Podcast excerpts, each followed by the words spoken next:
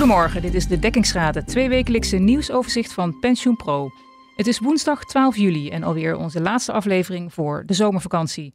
Ik ben Ilse Akkermans. Met deze week. Pensioenfonds ING verwacht de pensioenen met 20% te kunnen verhogen als het fonds overstapt naar het nieuwe stelsel. Het fondsbestuur wil dan ook invaren.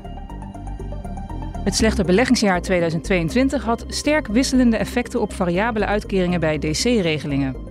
In het huidige jaar varieerden de aanpassingen van een pensioenverlaging met 19% tot een verhoging met 6%. Dat blijkt uit het jaarlijkse rapport Life Cycles 2023 van consultant Bell.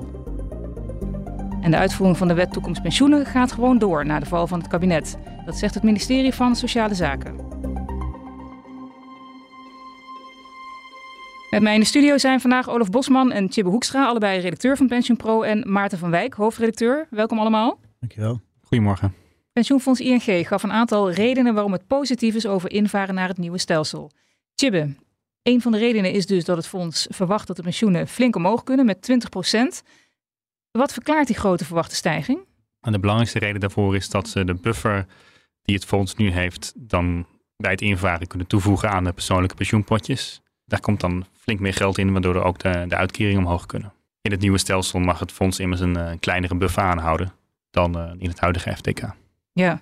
Zijn er vergelijkbare fondsen zoals pensioenfonds ING? En kunnen we daar dan ook verhogingen van verwachten? Nou, aan het eind van het eerste kwartaal waren er volgens DNB-cijfers maar vier pensioenfondsen in Nederland met een hogere beleidsdekkingsgraad dan pensioenfonds ING. Mm -hmm.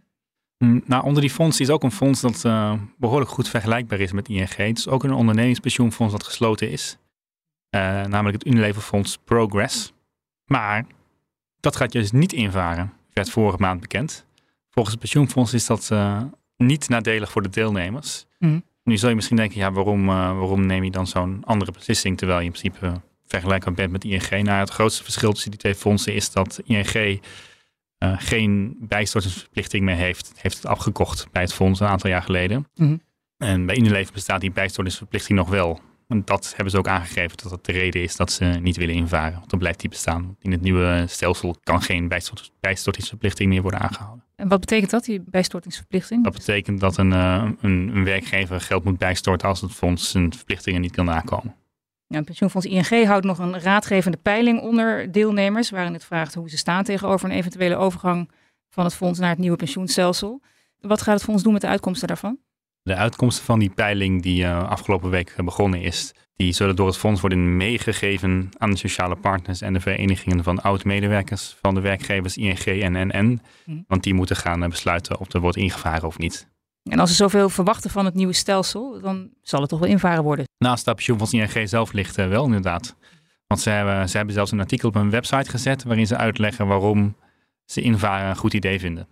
Op zich is dat wel bijzonder, want ik heb eigenlijk nog nooit eerder een pensioenfonds gezien dat zo expliciet stelling neemt uh, over de vraag of het moet worden ingevaren. Want meestal verschuilen fondsen zich wat dat betreft toch achter de sociale partners. Want ja, die moeten die, beslissing nemen. Ze zeggen ja, dat, uh, als je ze vraagt van gaan jullie invaren? Ja, de sociale partners die moeten daar een besluit over nemen. Mm. En, maar ja, dat, dat pensioenfonds ING zich wat meer vrijheid gunt. Wat dat betreft, dan kan ermee te maken hebben dat sociale partners er uh, toch wat minder in de melk te pokkelen hebben. Omdat het een gesloten fonds is zonder actieve opbouw. Dankjewel, Tjibbe. Dan gaan we naar ons tweede onderwerp. Het slechte beleggingsjaar 2022 had sterk wisselende effecten op variabele uitkeringen bij DC-regelingen. Dat blijkt uit het jaarlijkse rapport Life Cycles 2023 van consultant Bell. Maarten, dat vertaalt zich in het huidige jaar in aanpassingen van een pensioenverlaging met 19% tot een verhoging met 6%. Hoe zag het beeld in het rapport van Bell er verder uit?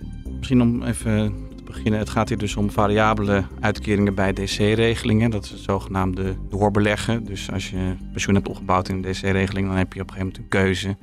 Uh, sinds een enkele jaren is dat mogelijk. Je kan altijd een vaste uitkering aankopen die gegarandeerd is je leven lang. Mm -hmm. Of je kan een beetje blijven doorbeleggen en dan heb je kans dat het pensioen omhoog gaat. Uh, of misschien ook omlaag. Het is eigenlijk wel een beetje een minderheid van mensen die dat, uh, die dat doet. maar desalniettemin toch interessant, want het blijkt ook wel een beetje op het nieuwe stelsel. Dus daar wordt nu wel wat meer met interesse naar gekeken. Ja. Er zijn door Bell, heeft zeven uitkeringsproducten, zoals dat heet, eh, bekeken. Je kan het eigenlijk regelen bij zeven verzekeraars. En die beleggen allemaal net weer iets anders. Uh, maar ze hebben wel allemaal verlies gemaakt. Het loopt het een van 14% tot 27%. Beleggingsverliezen dus in 22, maar als je dan gaat kijken naar de uitkeringen, Dan gaan er bij vier van de zeven gaan die omhoog. En dat is twee keer een klein beetje, zo anderhalf procent of zo. En twee keer wel toch wel flink wat, vijf à zes procent. Mhm. tegelijkertijd waren er ook drie keren dat het dus om juist omlaag ging. Dus dat is van 8 tot 19 procent omlaag. Dus dat, dat, ja, dat varieert gewoon heel erg. Ja. ja en hoe kan het dat er naar zulke grote beleggingsverliezen toch pensioenverhogingen kunnen zijn? Ja, dat er dat er een verhoging is, dat heeft dan toch voornamelijk te maken met gestegen rente in 2022.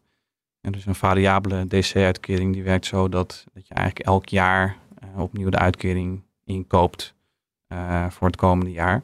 Mhm. En als de rente hoger is, dan is de kosten van pensioen zijn dan lager, zoals het heet, of een lager inkooptarief. Mm dus dat is, ja, daarom heb je dat effect. Het is een beetje hetzelfde als bij een pensioenfonds. En pensioenfonds heb ik ook in 22 uh, eh, behoorlijk verlies geleden. Um, maar de rente stijgt en daardoor worden de verplichtingen minder waard, uh, stijgt de dekkingsgraad en heb je ook indexaties bij pensioenfondsen. Ja. dat zie je ook een beetje bij die variabele uitkeringen. Ja, er zijn grote verschillen in uitkeringsproducten. Wat is daar de verklaring voor? Ja, dat heeft vooral met beleggingsbeleid te maken. met name ook weer de renteafdekking. Hè, dus het afdekking van renterisico. Dus het neerwaartse risico op je beleggingen afdekken met swaps of iets dergelijks. Mhm. Eh, als je dat had gedaan nu en in een periode van rentestijging, uh, dan ga je nat. En dat geldt met name voor bijvoorbeeld dat product met die 19% verlaging. Die hadden uh, eh, 80% van het renterisico afgedekt. Mm nou, daarnaast zaten ze in 76% in aandelen, dus dan zit je eigenlijk precies verkeerd. En dat andere fonds, of die andere uitkering waar de ja, 6% stijging in zat, die had geen renterisico afgedekt. Dus dat is echt een grote factor. Ja. Een Bel noemt geen namen, hè? Nee, Bel noemt geen namen, nee. Nee, nee. Kijk, um, het is natuurlijk niet per se dan... Je kan natuurlijk namen noemen. Stel dat het is verzekeraar X of Y. Mm Niet per se zeggen dat dat dan zeg maar soort van de schuld is zeg maar, van, die, van zo'n verzekeraar. Want het, is, het gaat natuurlijk om de beleggingskeuze die je maakt. En nou ja, je mag hopen dat mensen dan ook zich op een of andere wijze verdiepen in, zeg maar, wat is dan de beleggingsprijs van mijn uitkeringsproduct. Ja, of dat ze zich hebben laten adviseren van wat past, eh, wat past bij mij. Ja, ja. dus denk ik wat het vooral laat zien is dat je daar verschillende keuzes in mogelijk zijn. Dat je misschien daar ook wel in zou moeten verdiepen. Voordat je dan inderdaad uh, bij ACR of bij Egon of bij uh, Atora of dan ook iets, iets inkoopt. En er was nog een andere reden daarvoor, dat is spreiding. Hè. Dus veel van die producten die spreiden wel, zeg maar. Dus het, als je heel veel verlies hebt geleden in 2022, dan wordt dat zeg maar over een aantal jaar uitgesmeerd. Dus dan neem je niet dat hele verlies in één jaar. En dat god voor veel van die producten die dus winst hebben gemaakt, die hadden wel te maken met een vorm van spreiding. En als je spreidt, dan komt er nog iets bij. Want je hebt de jaren voor 22 is er winst gemaakt. En die stond ook nog een soort van op de lat. Dus daar kun je nu nog een beetje van profiteren. Hm. En dat, dat die regeling die een daling van 19% uh, de had, had de spreiding toegepast? Je had volgens mij geen spreiding, nee, nee, nee. In ieder geval die producten die winst hadden, dus waarde 4. Daar gold in drie van de vier gevallen voor dat, uh, dat er uh, spreiding was. Ja, dus dan zou die bij, waar nu 90% verliezen, zou dan volgend jaar zo weer omhoog kunnen vliegen. Ja, dat uh, ja, ja, ja. Ja, ja, is wat volatieler dan inderdaad. Ja. Ja. de mate van afdekking van het renterisico maakt dus veel uit. kwam net al even ja. te sprake. Hoe, hoe zit dat precies? Het heeft dus met inkooptarief te maken, ehm, eh, wat ik al zei. En ja, je ziet het eigenlijk over heel de linie dat het ook bijvoorbeeld... Uh, nou, je hebt de offensieve beleggingsprofielen, uh, waarin over het algemeen weinig renterisico wordt afgedekt. Hmm. Dat deed het juist beter, wat best wel ja, op een of andere wijze verrassend is. want offensief is ook het idee dat, het dat je dan meer winst maakt in goede jaren en meer verlies in slechte jaren. En nu is het eigenlijk omgekeerd. Hè. Hmm. In zo'n slecht beleggingsjaar deed het offensieve profiel het juist beter. Uh, hetzelfde geldt ook dat om dezelfde reden zijn ouderen hebben ook meer verlies gemaakt dan jongeren. Mm. Ja, en je ziet het zelfs internationaal gezien. Uh, Nederland is het land waar uh, pensioenfondsen heel veel rente afdekken. Meer dan in andere OESO-landen. Mm. Ook de reden dat Nederland, Nederlandse pensioenfondsen ook meer verlies hebben gemaakt in 2022. Vergeleken met alle andere OESO-landen. Ja. En wat betekent dit allemaal als je nou kijkt naar de afgelopen vijf jaar? Ja, nou ja, over de afgelopen vijf jaar is denk ik misschien toch wel het fijnste om naar te kijken is van wat heeft nou zo'n variabele uitkering gedaan ten opzichte van een vaste uitkering. Uh, dus het, het, het, hele onderzoek dat gaat eigenlijk over, uh, ja, ze hebben soort, naar een soort fictieve deelnemer gekeken.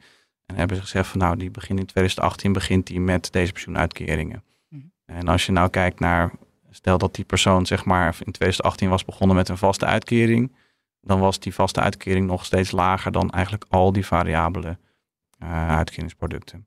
Ja, in die zin werkt de theorie nog steeds dat uh, doorbeleggen en een bepaalde mate van risico nemen, dat dat toch wel uh, gunstig uitwerkt voor je eindresultaat.